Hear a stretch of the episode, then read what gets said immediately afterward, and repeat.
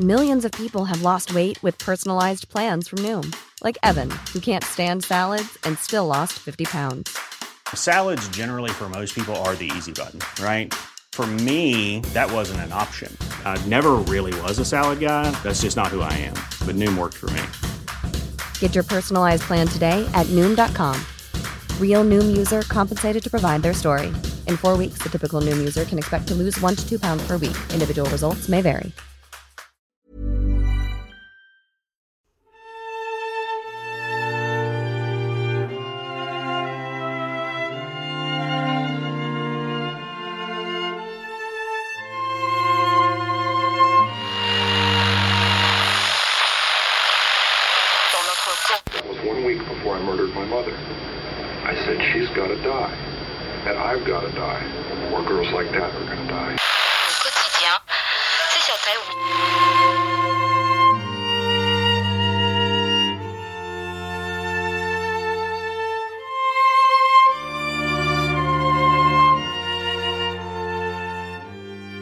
Välkomna till fortsättningen av den här sommarsäsongen och del 5 av vår rysliga reseguide. Det är jag som är Linda. Och det är jag som är Alexandra. Igår stannade vi ju i Frammegården och sen skulle vi ju ta oss norrut. Så vi tar väl och kör vidare på en gång tycker vi. Mm. Mm. Då tar vi oss ut på E45 och tar sikte på Mora i Dalarna och Sollerö gravfält. Men innan dess, så kom ihåg att om ni besöker något av de här ställena som vi tar upp i sommarspecialen så får ni själva kolla upp vilka regler det är som gäller för platserna och så att det är okej att ni är där samt att ni får ta eget ansvar för vad som kan komma att hända på platserna.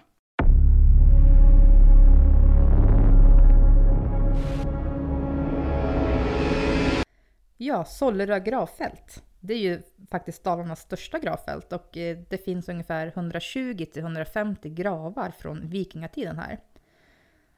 Och det har gjorts fynd i 18 av de här gravarna och många har ju faktiskt undersökts.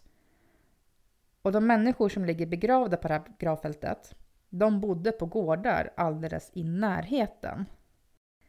Det finns många spökhistorier om gravfältet och en del påstår sig ha sett människor i ålderdomliga kläder uppenbara sig från intet för att sedan försvinna igen. Mitt på fältet så ligger det en stor gravhög som heter Vepröset och där sägs det att det ska ligga en skatt gömd. Spännande. Mm. Men ingen har hittills lyckats hitta eller komma åt den här skatten då den sägs vaktas utav de döda. Och de som har försökt gräva upp skatten har berättat om hur de har blivit bortskrämda av spöken i mm, form av mansgestalter som har uppenbarat sig vid den här stora gravhögen. Okej. Man gör bäst i att låta den där skatten vara då. Jag skulle tro det. Ja, Det kanske bara ska, ska vara där, helt enkelt. Låt bli den. känns som så. För vad kan hända om de här spökena får tag i dig? Ja men precis, och om man får med sig något föremål därifrån, får man då med sig Själva ett spöke spökehem. också? Who knows? Ja. Det var det om Sollerö gravfält. Och nästa stopp, det tar vi i Falun. Där kan ni bland annat hitta Rankhyttans herrgård som sägs ha flera spöken som hemsöker stället. Hasande och släpande ljud ska ha hörts nerifrån källarvalven. Kalla vindar kan komma svepande genom rummet. Och föremål sägs flytta på sig helt av sig själva.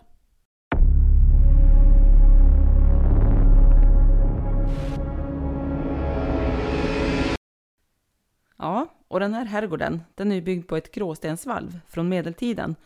Och den ägdes under första halvan av 1500-talet av bergsmannen Anders Persson. Herrgården är döpt efter Anders farfar, bergsfrälsemannen Ranke. Troligtvis därför den heter Rankhyttans då. Det var ett ganska komplicerat namn. Bergfrälsemannen Ranke. Mm, det rullade inte jättelätt på tungan. Nej, Nej. säg det tio gånger snabbt om du kan. Ja. Men den här Anders i alla fall. Han anklagades för att ha deltagit i det så kallade klockupproret. Och för det här så hals, höggs han år 1523 i Stockholm. Men utöver att Anders då sägs spöka på herrgården så sägs det att även hans fru spökar där. under namnet Svarta Damen. Det är många damer som Ja. spökar. Antingen i svart eller vitt. Ja, Vita frun, Svarta ganska- damen. Klassiskt på något Ja. vis. Ja. Men ytterligare spöken på stället, det sägs också vara gårdskarn Rune och jägmästaren Dybeck. Hmm. Och den här Dybeck, han ska ha begått eh, självmord genom att eh, skjuta sig ute på herrgården. Och de som äger Rankhyttans herrgård idag, eh, Eva och Christer Nilsson, de säger att de kan känna av de här vålnadernas närvaro. Och allra mest så känner de av en gammal dam som går omkring inne i herrgården. Är det den här svarta damen då eller är det någon annan dam? Ja, troligtvis skulle jag gissa att det är den här svarta damen. Mm. Mm. Men sen ska också en gäst på, på gården, alltså som inte trodde på spöken, eh, han ska ha gjort sig lite mallig över det här att han inte trodde. Liksom. eh, men han fick minsann sin uppfattning ändrad en natt. Eh, för under natten så vaknade han av att eh, hans täcke plötsligt var borta. Nej. Jo. Och han hittade alltså nedanför trapporna. Så någon hade alltså släpat ner det dit och det var ju inte han själv.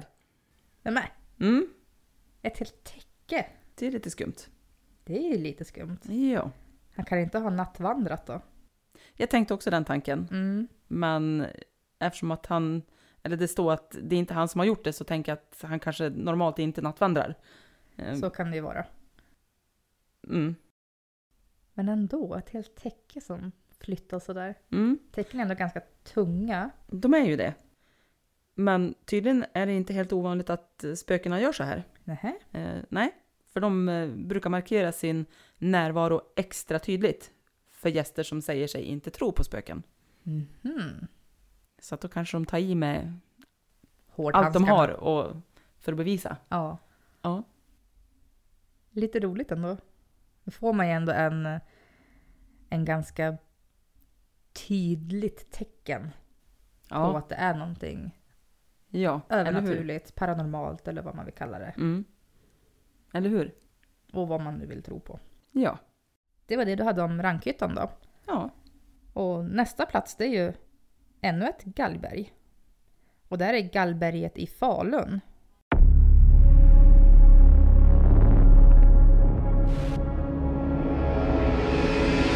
Och likt Gallberget på Gotland så var det här också en avrättningsplats som var i bruk mellan 1653 och 1824.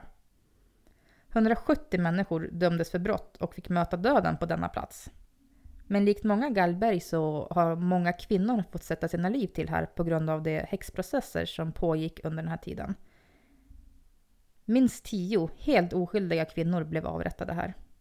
Och kanske är det inte så konstigt att det då sägs spöka här. Nej. Det låter troligt. Mm. Mm. Kan du tänka dig liksom som oskyldig kvinna bli dum på det här sättet? Alltså det kommer Mm. nog vara ganska mycket ilska i en. Ilska och förtvivlan att man ska behöva dö på det här sättet. Ja, det kan jag tänka mig. Alltså det måste ju lämna ganska stora spår ändå. Ja, det borde du ju göra. Mm. Mycket ja, men känslor som Mm. Ja men precis. kvar. Alltså, ja. Ja. Men nu ska vi ta sikte på östkusten och fara till Gävle. Ni tar väg E16 och eh, vidare mot Gävle, men innan vi kommer fram till Gävle så ska vi besöka Säter. Ja, men precis.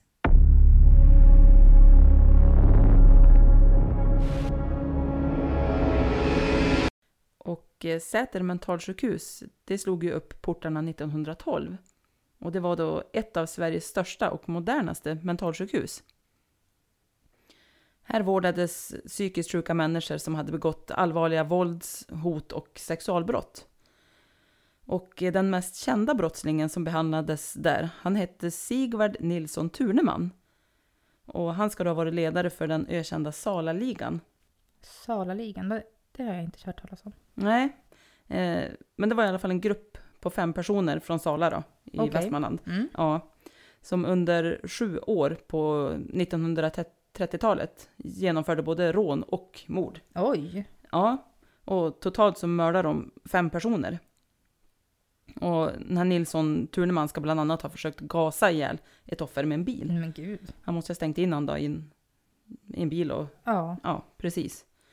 Så han ska ha suttit där. Men tyvärr så har ju Säters, alltså det har förfallit till stor del Mm. eh, och bommats igen då på grund av säkerhetsskäl. Så det är ju inte öppet för allmänheten. Men av givna skäl så har det ju blivit ett populärt resmål för urban exploring. ja, det kan Ehm, jag tänka mig. Ja. Och många av de som har varit inne i byggnaden menar ju att de känner sig iakttagna av någon eller något där inne. Ja, just det. Mm. Och de påstår sig också ha hört röster. Aha. Till och med röster. Ja, precis. Men det kan jag tänka mig, alltså på ett mentalsjukhus. Mm, Ja, och på den tiden var det nog många människor som, som satt där som hade det tufft. Ja. Att det, precis som på Garbacken, har lämnat kvar mycket eh, ilska och eh, eh, Sorg och smärta mm, ja, och så vidare. Ja. Många energiminnen. Mm, eller hur? Mm, men det var det om Säter. Och då får vi vidare mot Gävle. Och första platsen i Gävle, det är Alborgen.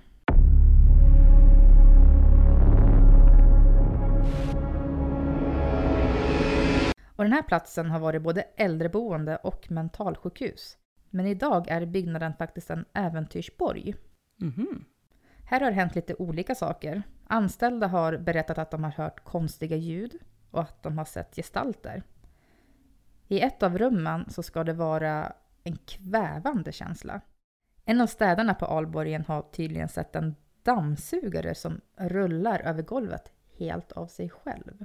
Men gud. Det är nog lite skräckinjagande. Ja. Eller så är det den här kvinnan från, var det Häringe? Hon som ser till att det är städat och fint. Ja, men Hon precis. kanske är där också. Ja, hon kanske ränner runt lite på lite olika ställen. Hon kan få komma hem till mig. Ja. Men eh, den här städaren, han sa ju upp sig. Ja, just det. Så det pass. förstår jag Ja. nästan. Om, om jag hade sett någon, en skurmaskin, eller en, en dammsugare föra av sig själv och inte en robotdammsugare, Nej. då hade nog jag sagt upp mig också. Ja, kan hända. Mm. Och det ska tydligen också vara en speciell doft som eh, uppstår i Alborgens rum. Mhm. En stark doft av svett och herrparfym. Trots att ingen har varit där. Kanske kommer den här doften från den här mannen som många av besökarna på borgen påstår sig ha sett. De har alltså sett en man stryka omkring Mm. och han ska då lukta svett och parfym. Men spännande, alltså äventyrsborg som både, alltså, ja men, Inbjuder till lek säkert och Ja. skoj och och övernaturligt. Övernaturligt. Ja.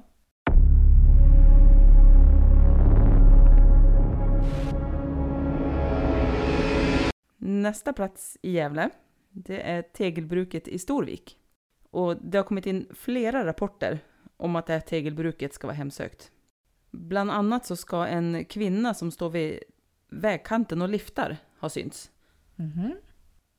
Men efter att folk har plockat upp henne så försvinner hon bara helt mystiskt. Nej. Jo. Det är lite, Lite creepy. läskigt. Ja, det är en kvinna som kliver in typ i baksätet och så bara borta. Försvinner hon? Ja. Nej men gud. Men det är inte bara själva tegelbruket som sägs vara hemsökt. Eh, Sammanlagt så ska det vara tre platser på det här stället som är hemsökt. Okej. Eh, Så förutom tegelbruket så ska det också vara två hus som ligger typ 200 meter därifrån. Och de ska tydligen vara byggda över en gammal kyrkogård. Och i en skogsdunge bakom husen så ska det också ha funnits en gammal galgbacke. Återigen. Ja. Och från en av husets spisar så ska man kunna höra barnskrik. Och varför man hörde från en spis vill vi nog inte ens veta. Mm, nej, Nej, jag tror att vi låter det vara så. ja, verkligen.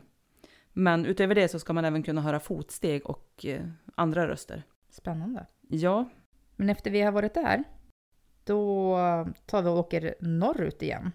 För en bit norr om Gävle ska det finnas en rastplats intill E4 som sägs vara hemsökt. mhm.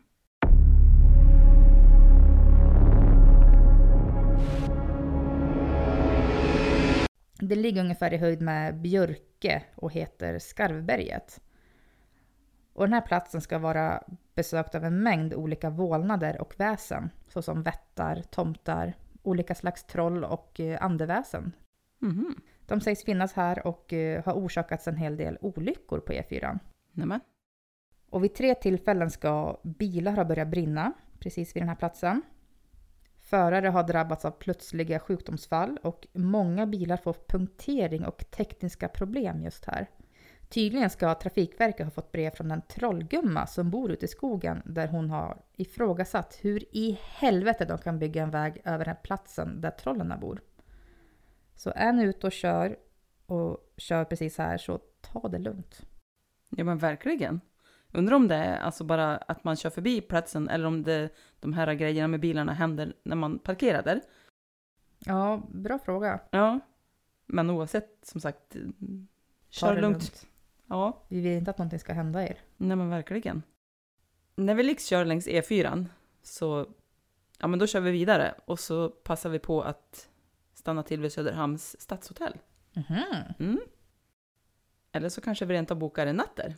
Ja, vi har faktiskt suttit och kört ganska länge nu. Ja men vi har ju det. Vi har ju det och vi har ju börjat komma ganska långt norrut nu så att ja, Mm, kan det vara skönt med en nattsömn det tror jag. på ett hotell. Det låter jätteskönt. Ja. Hotellsängar är ju typ bland det bästa, eller täckena. Mm. Fluffiga och ja, gud vad skönt det låter. Ja.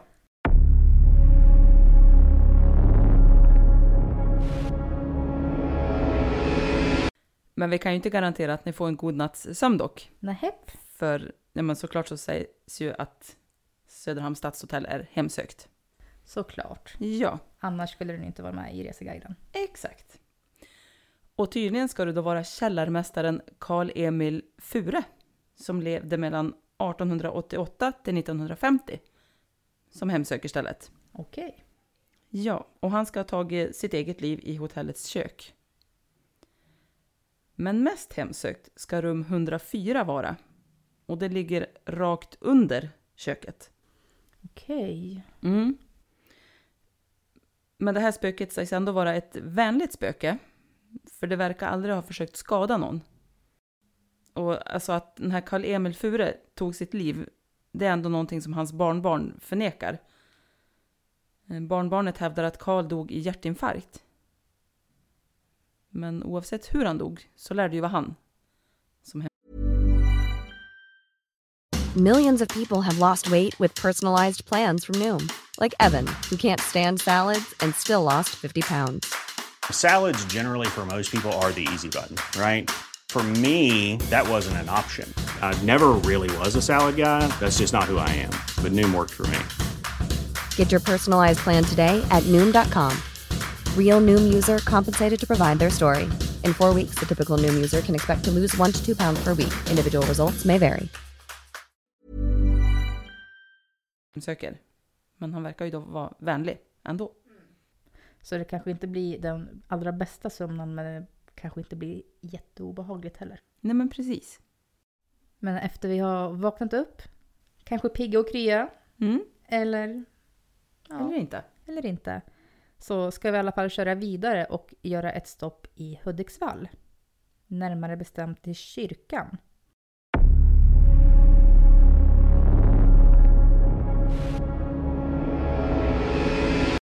Och den började byggas 1643 och stod klar 1672. Tydligen så ska det ha hörts hur någon har spelat på kyrkorgen inne i det tomma, nedsläckta och låsta kyrkan. Och några tror att det är kyrkovaktmästaren som vill skrämmas medan andra tror att det är spöken som vaknat till liv och vill anordna en fest. Mhm. Får vi komma? Mm, eller hur? Mhm. Men vad det egentligen är som spelar där inne, det är dock ingen som har vågat undersöka det ordentligt. Nej. Kanske vi ska ta oss ner? Ja. Och efter det här lilla stoppet vid den här kyrkan så fortsätter vi norrut på E4. Ungefär i höjd med Sundsvall så tar vi åt vänster. För vi ska nämligen styra skutan mot Torpshammar och Bodaborg.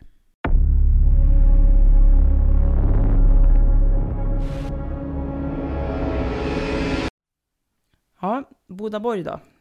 Det öppnades som skyddshem år 1903. Och det var då ett hem för pojkar som behövde mer uppfostran. Mhm. Mm. De sattes i tunga jobb så att de inte skulle hitta på några hyss. Men år 1914 så började det som skulle komma att bli Boda sinneslöanstalt att byggas. I folkmun så kom det att kallas idiotskola och den invigdes år 1917. Det lät väldigt trevligt.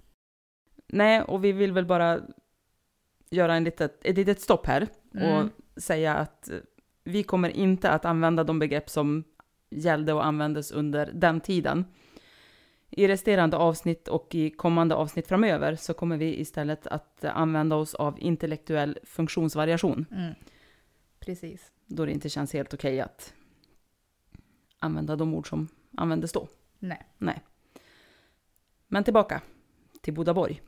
Eh, På anstalten så fanns det också en skola för de intagna som var under 16 år. Och när de hade blivit äldre så flyttade de till det så kallade arbetshemmet och eh, där fick de arbeta med anstaltens skötsel.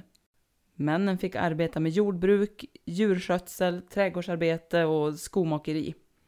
Och kvinnorna fick stereotypiskt nog arbeta med köksarbete, tvätt, städning, vävning och sömnad. Och förr i tiden så trodde man att eh, intellektuella funktionsvariationer var ärftliga och det här ledde till att kvinnor och män hölls åtskilda. Skolbarnen hade separata sovsalar och olika bord i matsalen. Och de äldre barnen som kallades för storpojkar och storflickor, de bodde på olika ställen och hade olika arbetsuppgifter. Och livet på anstalten, ja men det präglades ju av disciplin och hårt reglerad vardag. Låter som ett helt underbart ställe. Ja men eller hur? Eller Jättemysigt. inte. Nej, verkligen inte. Men på 40-talet så blev Bodaborg en av de anstalter i landet där de intagna i princip alltså systematiskt steriliserades innan de skulle skrivas ut eller förflyttas till något annat arbetshem. Jaha. För att då inte föra vidare ja, men de här intellektuella funktionsvariationerna. Nej men gud. Ja. Och ja, men många av de som utsattes för den här tvångsmässiga steriliseringen, de var ju dessutom minderåriga. I vissa fall var de så unga som 15 år. Alltså fy vad hemskt. Ja, fruktansvärt. Men i det här vårdhemmet så arbetade en fröken Blomberg. Och hon var då utbildad både sjuksköterska och lärare. Och hon blev då föreståndarinna på Bodaborg ända fram till 1955. Och hon var känd för att vara hård. Och hon styrde och ställde över alltså, personal, läkare, barn, över alla, typ. Och folket i trakten hade sån respekt för henne att de nästan var rädd för hon. Mhm. Mm. Men hon såg åtminstone alltid till att barnen fick rätt vård, att personalen skötte sitt jobb och hon var känd för att vädra mycket för att få in frisk luft eftersom hon tyckte att det var mycket viktigt. Men det är ändå tre helt okej saker. Ja, Alltså även om man är hård, men det är ändå bra att barnen får rätt vård och att personalen då sköter sitt jobb och vädra. Det är väl aldrig fel att vädra. nej, det, precis. Nej, men det känns ändå som hon är hård men rättvis. Mm. Alltså, ja. Men nu, många, många år senare, så märker man fortfarande av hennes närvaro. För på byn så finns det ett flertal historier som säger att det spökar på Bodaborg. Och ägaren själv eh, har även hon varit med om några oförklarliga saker. Under en renovering så hörde ägaren bland annat hur det ska ha ringt i en ringklocka. Men när hon gick till dörren för att öppna så var det ingen där. Såklart. Såklart. Hennes kollegor hade heller inte hört den här ringklockan. Och när hon sen själv testade att ringa på klockan så fungerar den inte ens. Nämen. Men ändå så hade hon hört den. Så att, ja. Men flera av de som arbetar där menar ändå att det händer mystiska saker på det här stället. I det ena huset som utgör Bodaborg så öppnas fönster lite nu och då. Trots att personalen har eh, typ virat fast dem. Det händer i restaurangen, boenderummen och även i avdelningar som är stängd. Och det ska ju då såklart tydligen vara fröken Blomberg som öppnar fönstren för att vädra. Det känns ju lite halvlogiskt. Ja. faktiskt. Eller hur? Det gör ju det. Men eh, röster från icke-levande ska också kunna höras. Vid ett tillfälle ska, så ska en pojke som övernattade på stället ha sett en kvinna som satt i ett fönster och läste en bok. Kanske var även det fröken Blomberg. Men i det nuvarande äventyrshuset så ska det också finnas en svart dam, som hon kallas. Och hon märks då av genom att man kan höra hennes fotsteg. Och en tidigare anställd har sagt att han har sett någonting svartbeklätt svepa förbi i korridorerna. Så att eh, Bodaborg är hemsökt, det är det nog ingen tvekan om. Då det utöver fröken Blomberg och den svartbeklädda damen också påstås att dörrar ska öppnas och stängas. Lampor ska tändas och släckas och man ska kunna se blöta spår av barnfötter på golvet med mera. Mm. Det är väl kanske då spår från de här barnen som en gång har bott Säkert. på stället. Eh, jag har faktiskt varit på Bodaborg här och det här är ju faktiskt världens första Bodaborg. Mm, det är det. Eh, och jag var där några gånger och jag kan faktiskt säga att jag har känt av vissa av de här sakerna. Ja, just det. Jag har övernattat där en gång med några kompisar. Ja. Och då, man kan köpa till, i alla fall då, jag vet inte hur de har det nu, uppe på boendesidan Mhm, så har de som en spökvandring. Okej. Jag var helt säker på att det var riggat. Eh, Ja. Vi var där typ fem, sex stycken tror jag. Mhm. Hur länge sedan var det här då? Ungefär? Kan det ha varit 15 år sedan? Ja, Någonting sånt. just det. Eh, men vi gick där i alla fall på rad allihopa. Och vissa av de här rummen var som stängda. Mm. Och jag var helt säker på att det skulle komma ut någon och skrämmas. För jag tyckte jag se svarta skuggor här och där. Ja, just det. Och jag tyckte det, under vissa dörrspringor så lös det. Och jag tyckte även där ser jag att det är typ som att det var någon som var där inne. Ja, Så man ser typ skuggor. Men det kom aldrig någon och skrämdes. Och det här uppe, det är liksom, det är högst upp på vinden. Alla gamla sängar, allting, som är, allting är ju original där uppe. ja. Men vi var ju själv där uppe. För det var ju bara det där där uppe. Det kanske var antingen typ fröken Blomberg eller något barn eller den här svarta damen eller... Inte omöjligt. Nej. För även i äventyrshuset, jag minns en bana som jag tyckte var lite obehaglig. Mm. Dels så vart det ju tvärmörkt där inne, så bara det kan ju vara obehagligt. Men man vet Ja, men ju ändå, ju. man är ju, man håller på att göra en quest och man Mm.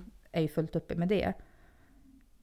Men just det rummet, varenda gång jag kom in där, för den här banan, vi, vi klarade den inte, så vi gjorde den flera gånger. Okej. Men varje gång, just det här rummet, så var vi inte ensam. Alltså, Nej. vi, vi var kanske tre, fyra stycken, men det var inte bara vi där inne. Nej, Och den känslan förstår. var så påtaglig. Mm. Det var ni säkert inte heller. Nej, säkert inte. Nej. Men jag skulle jättegärna vilja åka dit idag igen och testa och Mm. se om man upplever samma saker. Ja. Det kanske vi får göra någon gång. Kanske det. Men nu fortsätter vi lite lätt åt nordväst via väg 320. För i en liten by inne i de norra skogarna ligger inte bara ett av Sveriges utan ett av världens mest hemsökta hus. Och det här huset har ju säkert många av er redan hört talas om. Och det är ju såklart Borgvattnets prästgård. Såklart. Ja, Vi kan ju inte ha den här reseguiden utan varken Frammegården eller Borgvattnet. nej, nej det går ju bara inte. Nej. Nej. Men om ni ställer in Borgvattnet på GPSen så får ni ändå hålla koll så att den leder er rätt. Mhm. För när vi åkte dit, då strulade ju GPSen en del med oss. Oh ja. ja. Och ja, vill ni höra mer om det så kan ni höra om det i vårt allra första avsnitt va? Mm. Mm. Säsong 1, avsnitt 1.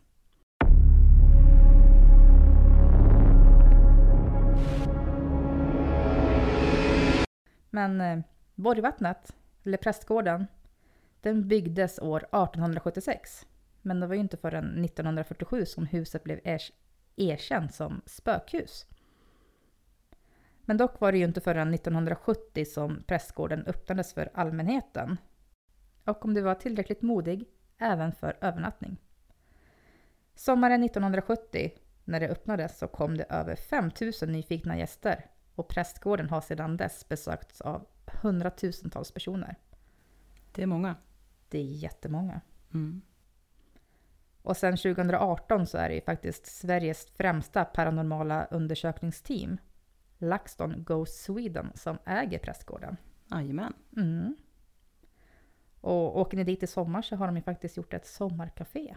Ja, just det. Mm. Mm. Ser jättetrevligt ut. Ja, En verkligen. liten loppis, de har lite merch och lite sånt. Ja, Ja, så passa på. ja, ser jättetrevligt ut. Men det här huset, det har ju så mycket historia. Vi kan ju fylla ett helt avsnitt och det har vi ju faktiskt gjort. Jajamän. Men vi kan nog fylla ett till. Ja. Och vill ni höra mer om historien om själva huset och om vår upplevelse därifrån när vi övernattar där så kan ni gå in säsong 1, avsnitt 1 och lyssna på det. Men i närheten av prästgården, 200 meter därifrån, ligger också ett vandrarhem. Och även det är hemsökt. Om inte än mer än prästgården. Och ursprungligen så var vandrarhemmet ett bostadshus åt familjen Almqvist. Och efter att eh, familjen Almqvist flyttat ut så flyttade en Karl Palm in med fru och son. Och under senare tid så har gården gått under namnet Karls Palms. Okej. Flera övernattande gäster har påstått sig se en manlig vålnad. Höra steg, slammer från köket och mänskliga röster. Och det är främst i hallen på övervåningen samt i trappan aktiviteten ska vara som starkast. Två gäster, helt oberoende av varandra, ska ha vaknat mitt i natten när de låg i bäddsoffan i vardagsrummet av att en storvuxen manlig skepnad blängde ilsket på dem. En rysk youtuber ska också ha kört in på gården av misstag och han eh, ska då ha sett en man gå runt i huset trots att eh, huset var låst och tomt vid det tillfället. Undrar om det var samma manliga energi vi kände av i det vänstra fönstret på övervåningen när vi var där. Mm. Låter ju som att det skulle kunna vara det. För den Mm. kändes ju väldigt ilsken. Jag tänkte Ja, om det, de har vaknat på natten av att någon blänger ilsket. precis. Ehm, ja. Nej, men vi kände, det var ju nästan att vi tvekade på att vi kunde gå upp där, om det där var vandrarhemmet. Ja, Men Ja. det var ju det. Alltså, jag kommer ihåg den där känslan så starkt. man kände den när man gick upp. Men Ja. ännu mer när vi gick tillbaka igen. Ja, När vi vände oss om och liksom tittade upp. precis. Och Mot, hade ryggen eh, mot och man vände sig. Mm. Det var ingen trevlig känsla. Nej, verkligen inte. Och, men trots den här känslan så vill vi faktiskt åka dit. Ja, såklart. Såklart att vi vill. Även om vi är lite rädda så är vi inte så rädda. För vi vill ju Nej. ändå vara med om någonting. Vi vill ju utsätta oss för massa sådana här saker. Ja, Men trots allt alltså vill vi ju väldigt gärna spendera en natt på vandrarhemmet. det vill vi. Det ska vi. Det ska vi. Som jag sagt på så många ställen. Mm. Och det här, det var ju dagens rutt. Och vart vi hamnar imorgon, det får ni ju höra i nästa avsnitt. Mm. Så se till att lyssna då. Gör det. Tack för det här avsnittet. Tack.